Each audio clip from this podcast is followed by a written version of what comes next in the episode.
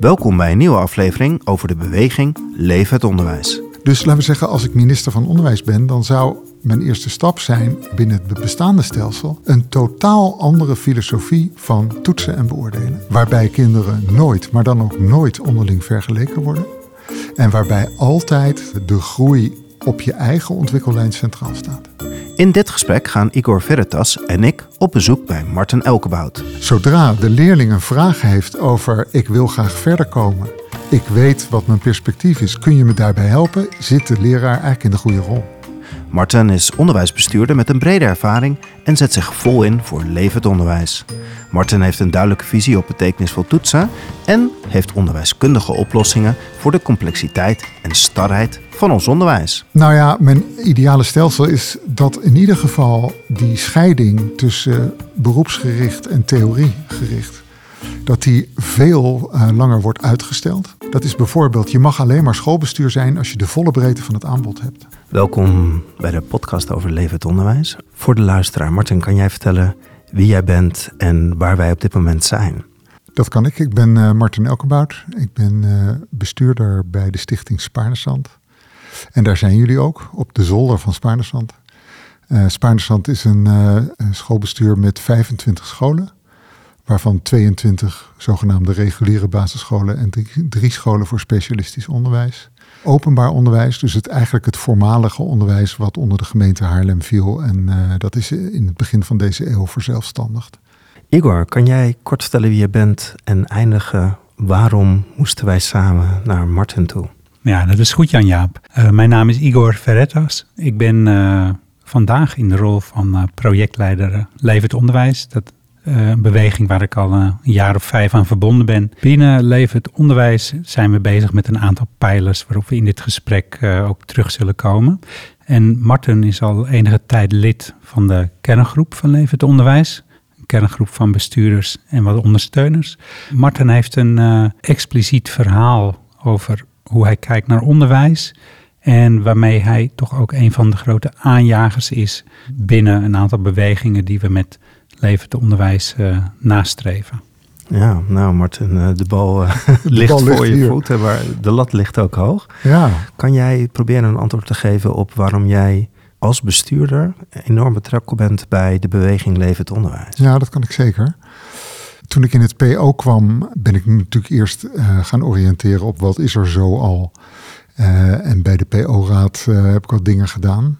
En op een goed moment ontdekte ik Leef het Onderwijs via het manifest tegen het toetsen. En ik heb al een hele oude aversie tegen de manier waarop er in Nederland wordt getoetst. Dat komt um, uit een uh, ver verleden, toen ik kennis gemaakt heb met het IB. Dat is een internationaal onderwijsprogramma waar een totaal andere visie op toetsen heerst.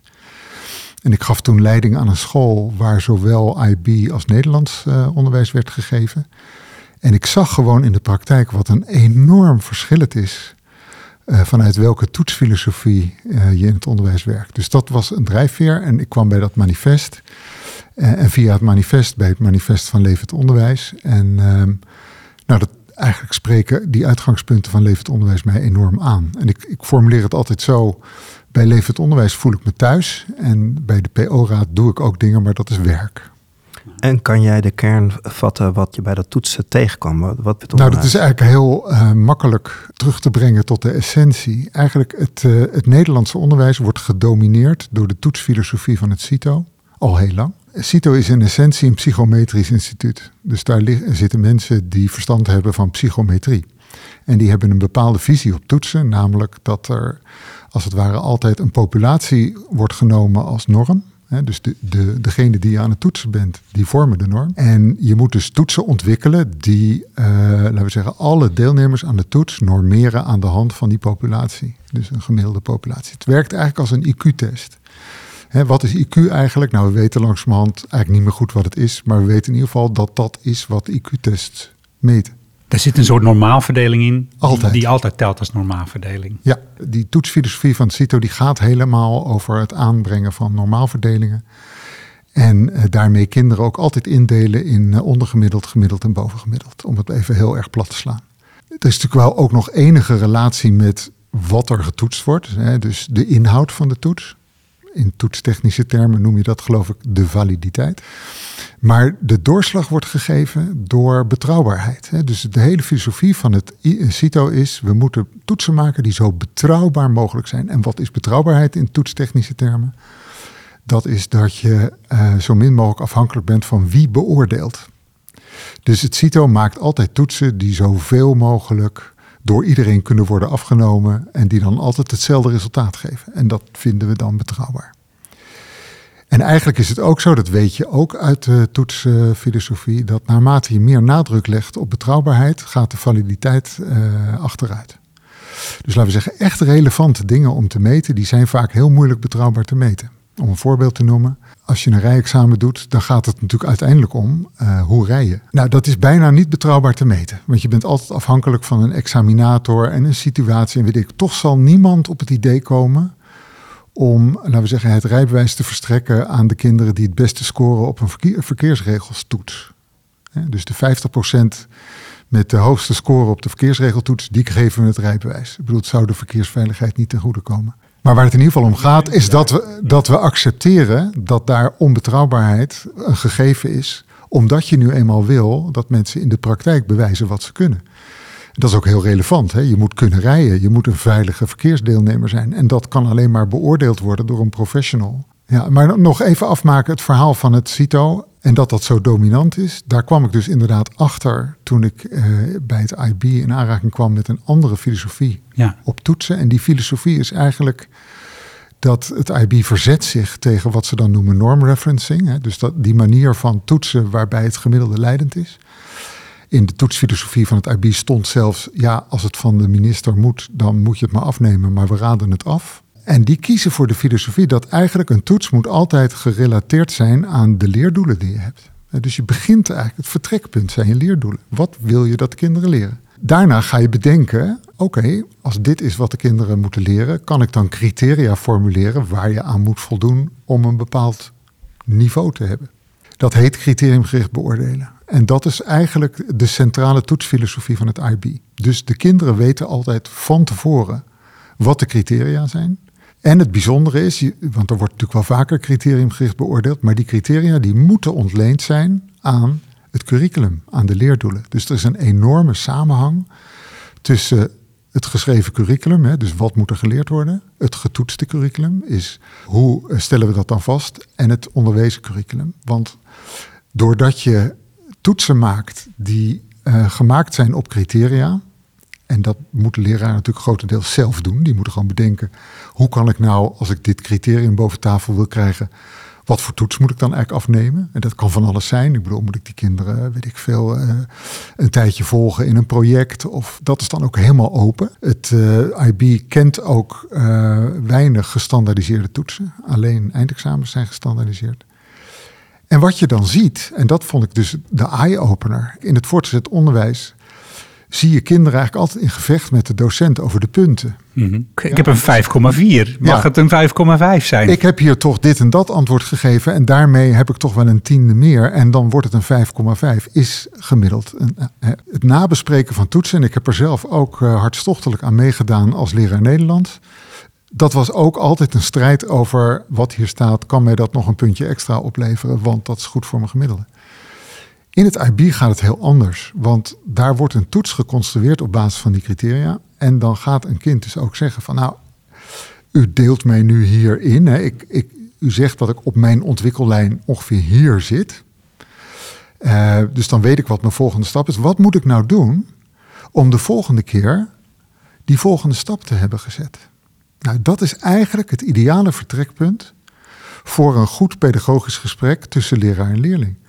Zodra de leerling een vraag heeft over ik wil graag verder komen, ik weet wat mijn perspectief is, kun je me daarbij helpen, zit de leraar eigenlijk in de goede rol. Onderwijskundig zeg je van het is congruent, hè? dat wat je beoogt, uh, dat probeer je ook echt met de, met de leerling te leven. En die leerling wil verder leren vanuit zijn intrinsieke motivatie en niet omdat het een 5,4 of een 5,5 exact, is. Ja. Exact. En je creëert dus een enorme flexibiliteit in uh, de manieren van toetsen. Want je zegt eigenlijk, jongens, het gaat om de criteria. De leraren die daarmee werken, die kunnen dus telkens kiezen voor andere manieren om die kinderen in een situatie te brengen waarin ze dat kunnen laten zien. Sterker nog, leerlingen kunnen ook zelf situaties aandragen waarin ze kunnen zeggen: hé, hey, zie je, ik kan dit, want ik doe nu dit en dit en dat. En dat is sport met dit criterium. Dan krijg je een hele andere dynamiek in, uh, in de samenwerking tussen leraar en leerlingen. Je zei net, maakt hier de relatie met het rijexamen. En dan ja. zeg je, we zouden er nooit mee akkoord gaan als. Waarom gaan we in het onderwijs dan eigenlijk met een, een weeffout in het onderwijs dan op deze manier om? Waarom zeggen we, je bent bestuurder, waarom zeg je niet, nou we stoppen helemaal met deze manier van toetsen en we gaan helemaal terug naar de essentie van waartoe het onderwijs dient, namelijk die kinderen ten opzichte van zichzelf verder helpen en niet ten opzichte van elkaar. Waarom doen we dit? Het grappige is, Jan-Jaap, dat zeg ik als bestuurder. Hm. Maar uh, nou, niet maar, dat zeg ik. Hè. Dus ik vind inderdaad dat we veel ongehoorzamer moeten zijn uh, ten opzichte van het systeem. Want het systeem dwingt dit voor een groot deel af. En het systeem is dan vaak kleiner dan we denken. Want uh, ja. we zeggen in het primair onderwijs is de enige verplichte toets die door het systeem wordt opgelegd, dat is die eindtoets. Alle andere zijn inmiddels niet meer verplicht. Het enige wat je wel verplicht bent te doen, is uh, je moet leerlingen goed volgen. Maar als je criteriumgericht werkt, dan kun je leerlingen fantastisch volgen. dus er is eigenlijk geen enkele reden om niet op grote schaal over te stappen. En waar zeg je dit, Martin? Je zegt ik zeg het, ik verkondig die boodschap. Nou ja, uh, buiten mijn club, in mijn club, uh, bij scholen. Ik stimuleer scholen eigenlijk om op dit spoor te gaan. En dan, wat je dan tegenkomt, is mm -hmm. hoezeer het systeem is gaan meebewegen met dat verplichte element. Dus je ziet het terug bijvoorbeeld in uh, toen ik hier kwam. Toen was het een en al opbrengstgericht werken. Nou, je zou kunnen zeggen opbrengstgericht werken, wie is er tegen? Hè? Het is altijd fijn als er een opbrengst is. Maar wat was dat eigenlijk? Dat was vooral kijken naar van die gestandardiseerde toetsen. Naar grafieken die je daarmee kunt maken over groepsgroei. En het analyseren van die grafieken en dan vervolgens daar consequenties aan verbinden ten aanzien van de kwaliteit van de lessen. Terwijl in feite die grafieken je geen enkele informatie geven over de kwaliteit van het didactisch handelen. Echt helemaal niet. Het enige wat je kunt zeggen is dat je ten opzichte van een gemiddelde norm, een landelijke gemiddelde norm. Daar is hij weer. Ja, misschien ietsje langzamer of sneller gaat met een groep. Maar het is al een statistische enormiteit om, laten we zeggen, op grond van een landelijk cohort te zeggen dat moet, die norm moet ook oppassen op deze groep. Want zo'n groep, dat is een uitsnede van 20 kinderen. Daar zit zo ontzettend veel variatie in. Daar mag je die norm helemaal niet aan opleggen. Dus het is non-informatie. Dus dat hele opbrengstgericht werken, dat was eigenlijk op grote schaal dik doen over non-informatie. Eh, een van de eerste dingen die ik gedaan heb, is in het eerste koersplan al het begrip formatief toetsen introduceren. En mensen keken me toen nog heel glazig aan. Want het was eigenlijk iets wat onbekend was. Het hele onderscheid tussen formatief en summatief bijvoorbeeld. Waar ik er ook mee kwam, dat, mm. dat heb ik geleerd in het internationale onderwijs. Iedereen kijkt, ja, huh, wat is dat? Eh, op het gymnasium ook, hè, daar hadden we het net even over. Ik ben negen jaar rector van een gymnasium geweest nou, je zou toch zeggen, allemaal hoogopgeleide, doorgeleerde uh, professionals. Nooit gehoord van formatief of summatief toetsen.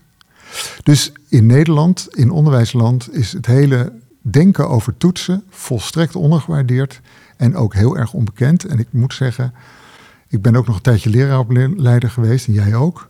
Ook de lerarenopleidingen leren eigenlijk mensen niet na te denken over het fenomeen toetsen.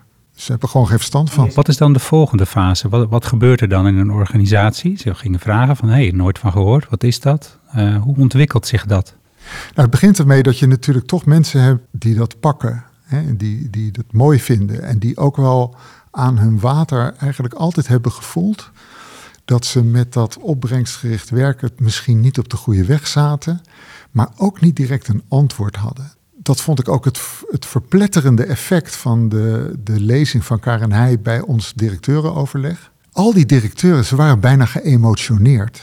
Omdat zij iets blootlegden waarvan hun onderwijshart volgens mij al jarenlang zei: klopt dit wel? Is dit eigenlijk wel? Maar ja, Besturen zeiden, je moet opbrengstgericht werken. De inspectie zei, het is belangrijk dat je naar je resultaten kijkt. De, de Onderschatten ouders niet. Ze zijn vaak ook een onderdeel van het systeem geweest. Dus ze weten vaak ook de, de weg door het systeem. Dus ze hebben ook vaak enorme belangen om een kind in het systeem Ja, dat op is goede waar. plek te krijgen. Dat is waar, maar het is heel grappig. We hadden gisteravond eh, een, eh, een avond met de GMR, onze gemeenschappelijke medezeggenschapsraad. En we doen af en toe een themaavond zonder dat het een echte vergadering is. En ze hadden mij gevraagd om eens iets te vertellen over dat toetsen en pedagogisch adviseren. En nou, ik heb toen mijn, bekende verhaal gedaan hè, van eh, nou, eh, het, het uit Kar en Heij ontledende eh, verhaal van die eindtoets, die meet eigenlijk helemaal niks. In ieder geval de verkeerde dingen en ook nog op de verkeerde manier. Ik, ik noem het tegenwoordig een puzzelwedstrijd. Dat werkt heel goed. Mensen zijn dan verbijsterd eigenlijk dat dat zo in elkaar zit. Dat wij dus zo'n belangrijk besluit nemen, onder andere op basis van een puzzelwedstrijd, rekenen en taal. Maar wat het ook teweeg bracht, en dat vond ik heel mooi om te zien, al die persoonlijke emoties. Dus mensen die allemaal ervaringen hadden met dit systeem. Stapelaars. Mensen die ooit door hun leerkracht een te laag of een te hoog advies hadden gekregen. Moeders met kinderen die nu angstig zijn voor wat zal eruit komen, gegeven het landschap hier in Haarlem waar heel veel categorale scholen zijn. Nou, iedereen schiet in de emotie over dit verhaal en uh, heeft er dus ook gevoelens bij. En dat maakt de discussie erover ook vaak zo weinig rationeel. Dus dat is ook de grote kunst van hoe blijven we nou bij de essentie van het verhaal. Uh, en dat is natuurlijk toch dat je iets wil doen in het belang van kinderen. Maar waarom doen we dit, Martin? Waarom, en waarom kan je het zo genuanceerd uitleggen? Waarom ben je niet boos en zeg je van... hé, hey, als je al die onderzoeken... je moet er gewoon Ma- mee stoppen. Martin, Martin is boos. Ik ben ontzettend boos. Ja. Uh, dus dat is ook wat ze gisteravond echt wel gevoeld hebben. Dat daar een bestuurder stond die, die de vloer aanveegt met dit fenomeen. Maar we gaan naar het Malieveld om een paar procent meer salarisverhoging. Maar we gaan niet naar het Malieveld met z'n allen in het hele onderwijs. Als we kinderen tekort doen. Ja, Nou, denk- generaties lang. ja, Ja. ik denk dat dat komt doordat we niet weten uh, dat we die kinderen al generaties lang tekort Besef. doen. Ja, het besef.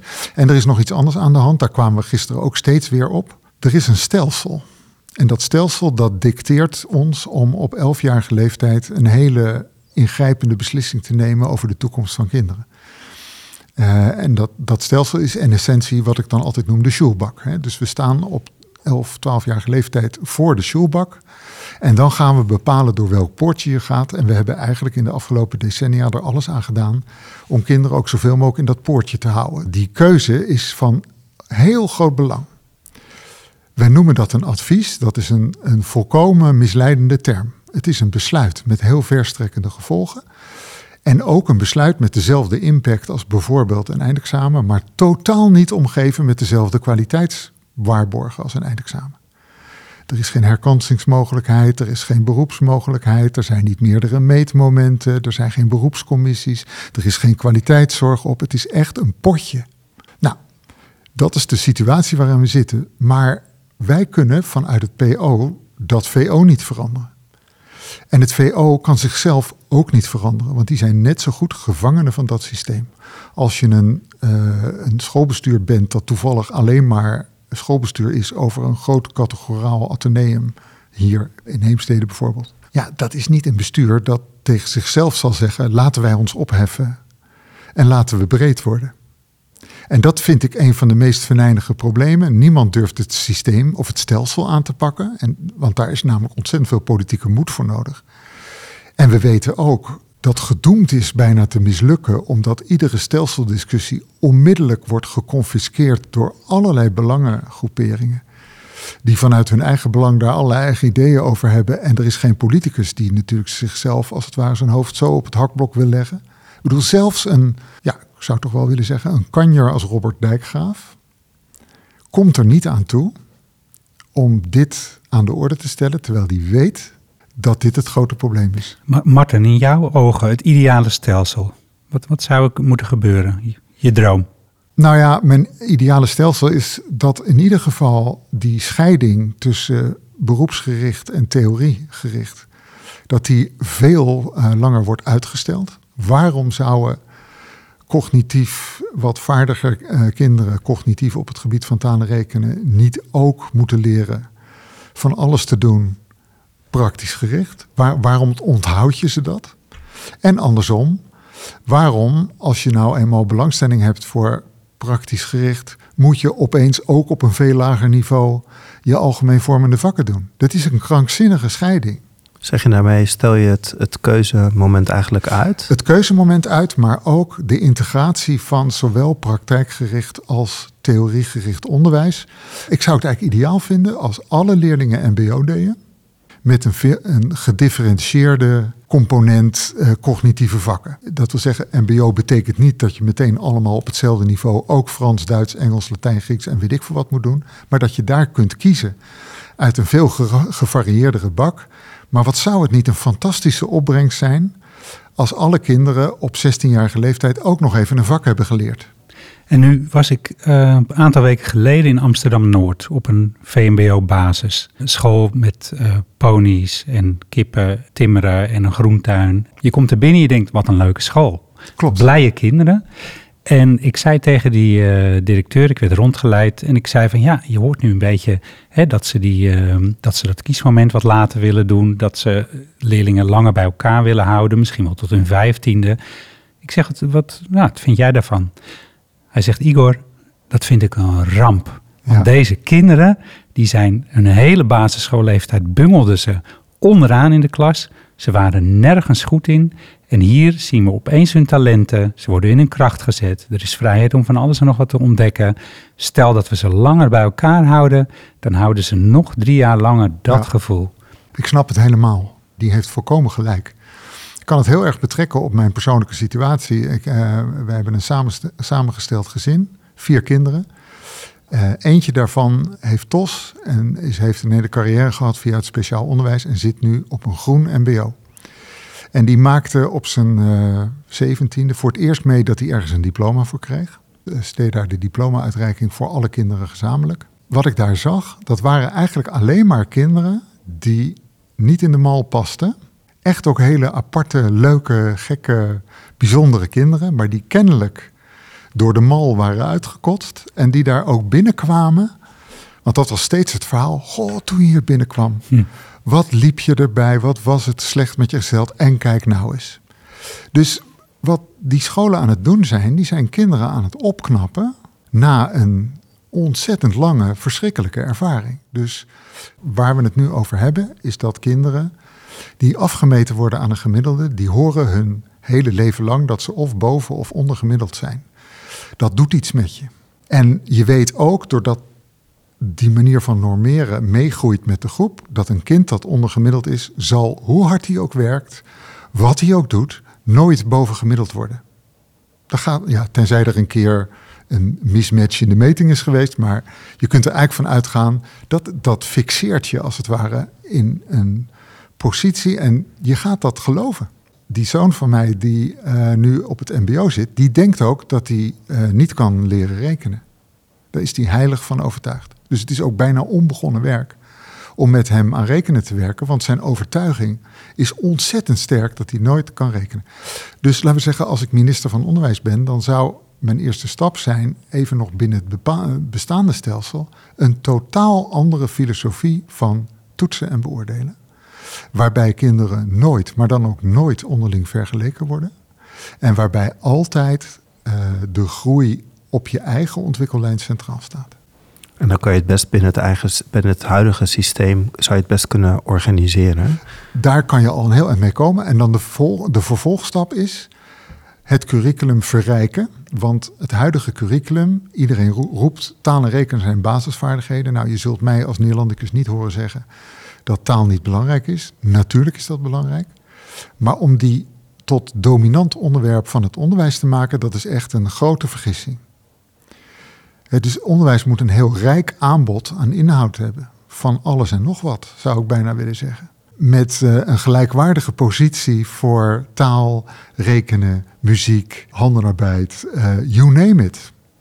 Kinderen moeten op een zo rijke mogelijke manier zich ontwikkelen. Dus dat betekent ook bewegen. Het betekent ook dingen maken. Dat was trouwens ook iets wat ik heel mooi vond aan het IB. Die hadden als filosofie, dat noemden ze areas of interaction. Dus onderdelen van het curriculum die voor alle vakken golden. En een daarvan was dingen maken. Dat noemden ze homo faber met een deftig uh, Latijnse term. Maar iedereen heeft de ervaring dat als je een keer iets maakt, hè, dus er komt iets uit je handen, je hebt een product, dat is een hele bevredigende ervaring. En dat gevoel geven we kinderen in het onderwijs veel te weinig.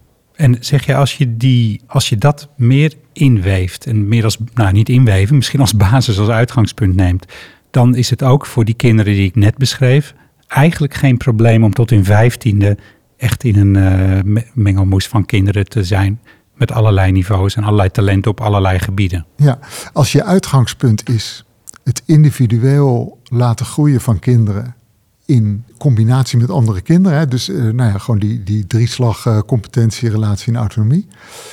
En je bent er niet op gericht van, oh jongens, onze grootste taak is om ze uit te selecteren, zodat we weten aan het eind van de rit waar ze naartoe moeten. Nee, onze grootste taak is om iedereen aan bod te laten komen en je je zo breed mogelijk te laten ontwikkelen, krijg je een heel ander perspectief op wat je laat doen. En dan kunnen kinderen ook veel beter bij elkaar blijven. Want diezelfde kinderen die op taal en rekenen steeds te horen krijgen dat ze ondergemiddeld zijn, dat zijn misschien wel geweldige bewegers. Dat zijn misschien wel geweldige uh, knutselaars. Dat zijn misschien wel geweldige verbinders. Maar dat halen we nu er niet uit, omdat we alleen maar op die smalle basis zitten te kijken wat kinderen kennen en kunnen. En het wordt als het ware ook ja, zo geframed. Hè? Neem de coronaperiode. Daarna moesten we met z'n allen toch keihard aan het werk aan uh, uh, interventies om die kinderen op taal- en rekenengebied weer bij te brengen. Zeer dikke, denk, zeer dikke subsidies kwamen daarop. Ja, ja en menukaarten met... Uh, ja. Als het maar evidence-based was. Ja, terwijl we natuurlijk zagen, wat hebben die kinderen nou het meeste gemist? Samen zijn, in een groep functioneren, erbij horen, andere kinderen ontmoeten. Dus basisvaardigheden, nogmaals, taal en rekenen vind ik ook heel belangrijk en daar doen we ook heel veel aan. Maar ja, zoek alsjeblieft de breedte op. Ja, ik ben overtuigd van je onderwijskundige visie. Hè. Ik zit nu in het vrije schoolonderwijs, daar herken ik het. Hè. Dus die, echt die brede vorming, hè. dat heeft een hoofd, dat heeft een hart, dat heeft handen, creatieve vakken. Ja. Jij bent in je scholen begonnen om, om dit ter discussie te, te, stellen. Wat zie je? En waar loop je vervolgens tegenaan? Want je noemt bijvoorbeeld een, een school in jouw omgeving Heemstede. Je ziet best wat categorale scholen in het VO hier. Dus waar bots je dan allemaal tegenaan en welke deurtjes moeten nog wellicht meer opengezet worden? Ik heb het gesprek over de kansenongelijkheid in ons systeem eigenlijk hier geagendeerd. Toen ik hier kwam als bestuurder, eh, men had het er eigenlijk niet over. En gewoon op basis van data van verschillende scholen, hoe zitten kinderen er na drie jaar bij? En dan bleek dat er een enorm verschil was tussen de geheide witte scholen en de scholen die in de achterstandswijken staan. Nou, toen is iedereen wel een beetje op het spoor gekomen. Ja, we kunnen toch niet ontkennen dat we hier wel een vraagstuk hebben met betrekking tot kansengelijkheid. En vervolgens zie je een enorme uh, handelingsverlegenheid in wat staat ons dan te doen. En dat heeft volgens mij echt te maken met het bestuurlijke landschap zoals we dat in Nederland kennen, waarbij door elkaar. Je hebt grote besturen, je hebt kleine besturen. Je hebt uh, besturen die over de volle breedte gaan en je hebt besturen die over één schooltje gaan. Je hebt besturen die gaan alleen maar over HAVO-VWO-onderwijs en je hebt besturen die gaan van speciaal tot en met. Dat landschap maakt dat er eigenlijk geen gelijkwaardig gesprek mogelijk is over waar het naartoe moet met het onderwijsaanbod. Dus ik zie een groot verschil hier in Haarlem tussen het PO en het VO. Want het PO wordt eigenlijk ja, bepaald door twee grote besturen. Er is een confessioneel en een openbaar bestuur. En wij hebben allemaal, allebei hebben we de volle breedte. Dus van specialistisch onderwijs tot en met uh, nou, conceptscholen, you name it. Dus voor ons is het niet zo moeilijk om elkaar te vinden in de samenwerking op de thema's zoals kansengelijkheid en inclusiviteit. Want we zitten voor hetzelfde vraagstuk. Terwijl als je dat naar het VO vertaalt, dan zeggen sommige scholen, ja, ja, inclusiviteit, heel belangrijk. Uh, maar het is eigenlijk ons probleem niet. Uh, er is maar één bestuur met scholen voor speciaal onderwijs die vollopen. En die dan roept, ja, ik moet weer lokalen bijzetten. Dames en heren, wat gaan we doen? Die dus zitten in een shoebak, zoals jij dat net zo mooi zei. Ja, en, en je werkt in die shoebak vanuit je eigen belang. En dat is een organisatie, vind ik ook niet kwalijk te nemen. Want dat je gaat voor het voortbestaan van je eigen organisatie, dat is eigenlijk heel logisch. Nou, er is net een ontzettend goed rapport van de Onderwijsraad verschenen over de positie van schoolbesturen. Daar staan allerlei uh, behartenswaardige dingen in over die positie. Maar wat het niet doet, en dat zou wel moeten gebeuren, is hoe komen we nou naar een stelsel waarin het bestuurlijke landschap veel meer ingericht is op het nemen van de maatschappelijke verantwoordelijkheid daar worden eigenlijk geen handreikingen voor gedaan. Het is allemaal slappe hap. Het gaat een beetje over codes en elkaar visiteren en de kwaliteit van het bestuur. Ja, allemaal tot je dienst. Dat doen we al twintig jaar. Het schiet echt niet op. Dus wat er zou moeten gebeuren is dat je moet nadenken over incentives om dat bestuurlijke landschap te veranderen. Ik heb er wel eens één geopperd. Dat is bijvoorbeeld, je mag alleen maar schoolbestuur zijn als je de volle breedte van het aanbod hebt. Dus je krijgt alleen maar een schoolbestuurlijke licentie als je eh, regulier onderwijs, speciaal onderwijs, cluster 3, cluster 4, de hele handel. In één gebouw? Nee. Dat nee, hoeft niet. Nee, nee, in één bestuurlijke verantwoordelijkheid. En ik noem dat omdat je dan nou, je bent twee dingen kwijt. Het ene is dat hele uh, idiote gedoe met die samenwerkingsverbanden. Hè, met extra governance en geld verdelen en bestuurlijke drukte en weet ik het. Want je kunt gewoon zeggen, dit bestuur is verantwoordelijk voor passend aanbod.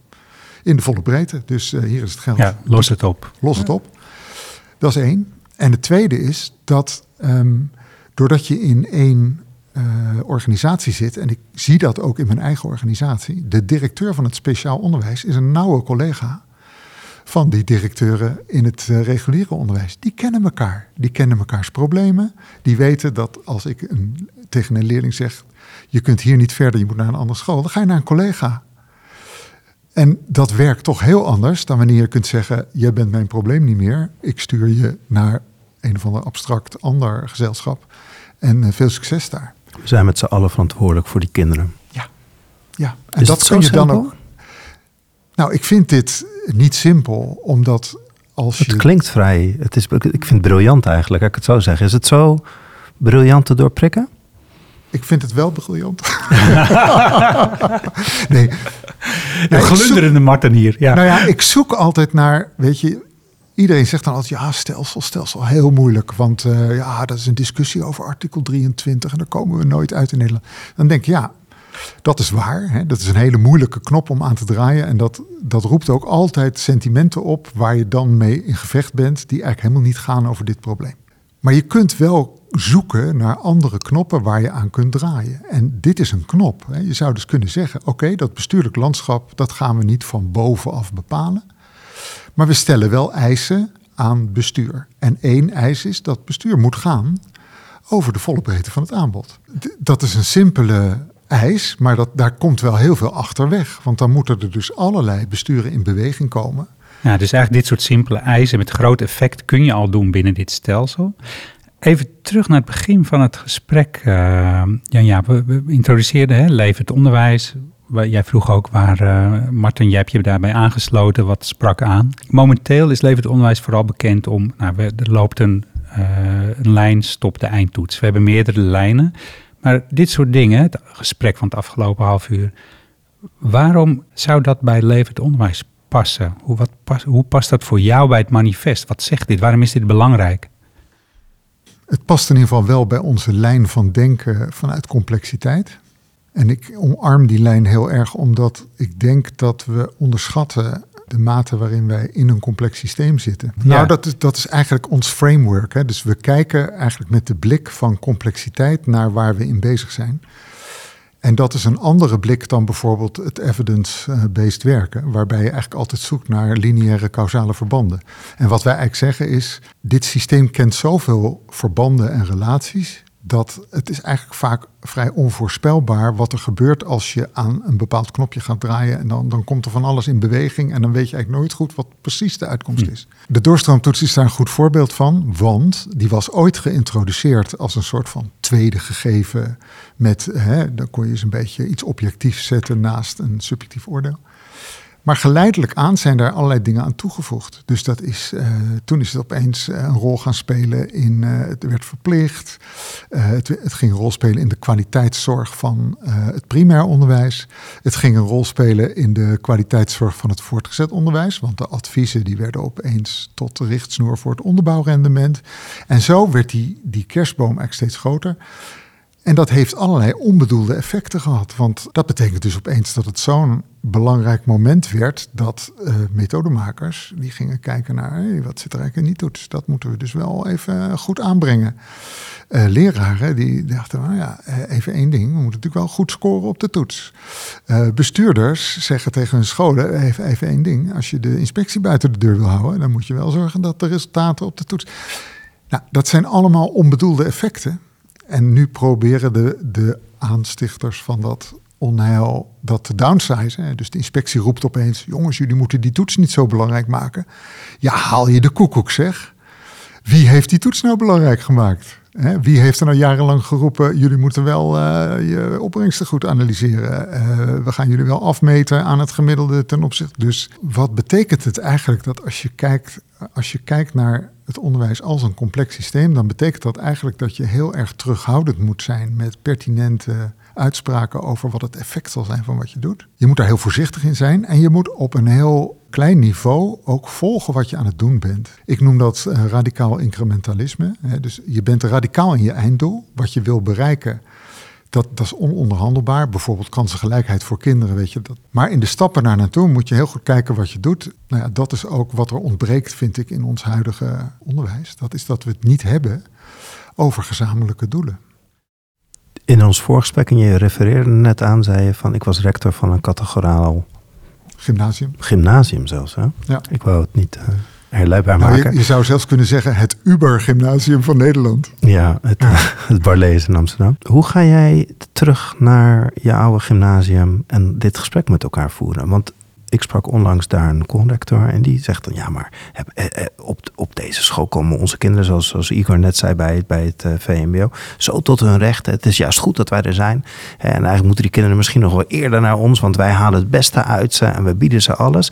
Hoe haal je ze van ja, maar je gaat wel aansluiten bij een hele brede onderwijsgroep, zodat je gezamenlijk verantwoordelijk wordt voor dat geheel? Ja. Nou, er bestaat ook nog zoiets als voortschrijdend inzicht. Hè? Toen ik bij het uh, Barlees werkte, was wel de insteek: wij kunnen nog een stuk inclusiever worden dan we zijn. Dus wat we, wat we daar zagen, is dat we wel er, er steeds beter in uh, slaagden om kinderen van een niet, uh, niet Nederlandstalige achtergrond aan boord te krijgen. Maar die gingen er ook weer in grote getalen uit. Dus toen wij via de, wat we toen noemden, de postcode loterij een heleboel geld kregen uh, voor de, dat was in het kader van de eerste achterstandsmiddelen systematiek. Nou, als je daarop googelt, dan zie je me terugkomen. Want ik heb daar toen landelijk ook uh, behoorlijk wat lawaai over gemaakt. Dat Barlees echt geen achterstandsschool was. Maar wij kregen voor 54% van de kinderen kregen we achterstandsmiddelen vanwege het postcodegebied. Nou, het was een hoop geld. En toen heb ik gezegd, nou weet je wat we doen? We gaan dat geld niet teruggeven, maar we gaan daar eigenlijk drie dingen doen. Eén, ervoor zorgen dat we beter worden in het binnenhouden van kinderen. Twee, ervoor zorgen dat het gymnasium meer bekendheid krijgt onder basisscholen die normaal gesproken niet het perspectief op een gymnasium hebben. En drie, onderzoek naar wat ons kan helpen om inclusiever te worden.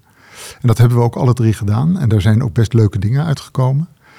Maar als je mij nu zou vragen, moet het gymnasium de functie vervullen in het stelsel die het nu heeft, dan zeg ik afschaffen die hap.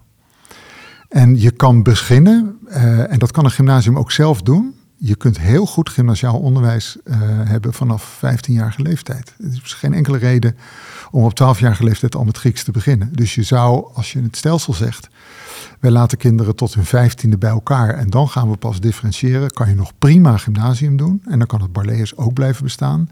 En sterker nog, dan hoeven ze niet meer te loten, want dan ben je gewoon uh, op een kleine leerlingenaantallen aan het koersen. Ik vind ook eigenlijk dat gymnasia vanuit zichzelf deze bijdrage aan het systeem zouden moeten gaan leveren. Dat zou enorm helpen.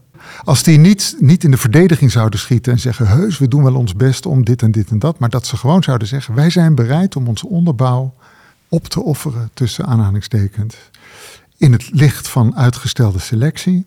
En wij herpakken ons door daarna een top uh, curriculum te zijn voor kinderen die helemaal losgaan op uh, uh, intellectuele uitdagingen.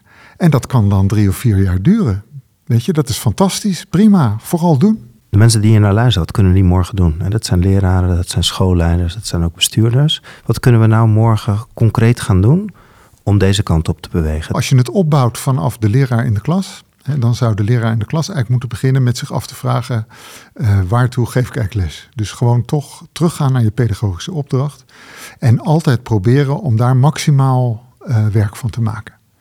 Uh, dus je niet laten leiden door wat methodes je voorschrijven, of wat de toets van je vraagt, of wat de schoolleiding vindt. Of begin nou eens het gesprek over de vraag: waartoe uh, ben ik eigenlijk in het onderwijs? Uh, wat wil ik die kinderen eigenlijk echt bijbrengen? En dat is mijn vertrekpunt. En ik doe er alles aan om, hoe ingewikkeld het systeem ook is, dat waar te maken. En laat vooral dat gesprek ook in de hele uh, setting van waar je werkt steeds weer doorklinken op terug naar de bedoeling. En het tweede is, wees niet te bang om daarin gewoon eens dingen te doen, zonder dat het direct evidence-informed hoeft te lukken.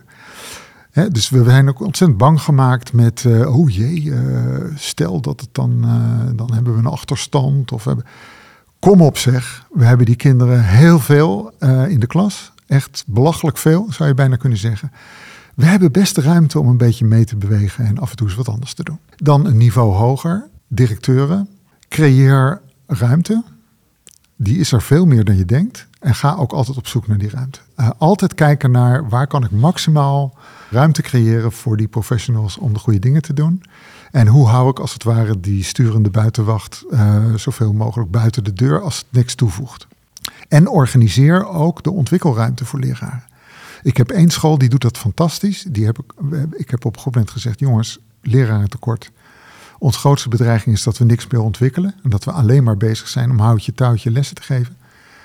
Als jullie ervoor kiezen om meer ontwikkeltijd in te zetten ten koste van de onderwijstijd, dan krijg je daarvoor bestuurlijke dekking en ik ga het gesprek met de inspectie graag aan. En er zijn scholen die hebben dat opgepakt. En zo is er een school die heeft uh, om de x aantal weken een studiedag waarop ze de periode voorbereiden met elkaar. En dat geeft ze de flexibiliteit om in die periode ook van elkaar dingen over te nemen. Dus als er een keer iemand ziek is, dan weten ze toch wat er moet gebeuren. Ze werken, het is een Daltonschool, die kinderen weten ook heel goed wat ze moeten doen. Dus die kunnen al zelf. Nou, ik vind het een voorbeeld van hoe je wat ruimte kunt creëren om toch de, de goede dingen te doen. En dan het niveau van de besturen, daar geldt eigenlijk hetzelfde voor, maar dan uh, naar directeuren toe. Van je bent er om directeuren te beschermen tegen de perversiteiten van het systeem. En de ruimte op te zoeken om uh, nou ja, de dingen te doen die zo goed mogelijk aansluiten bij je pedagogische visie.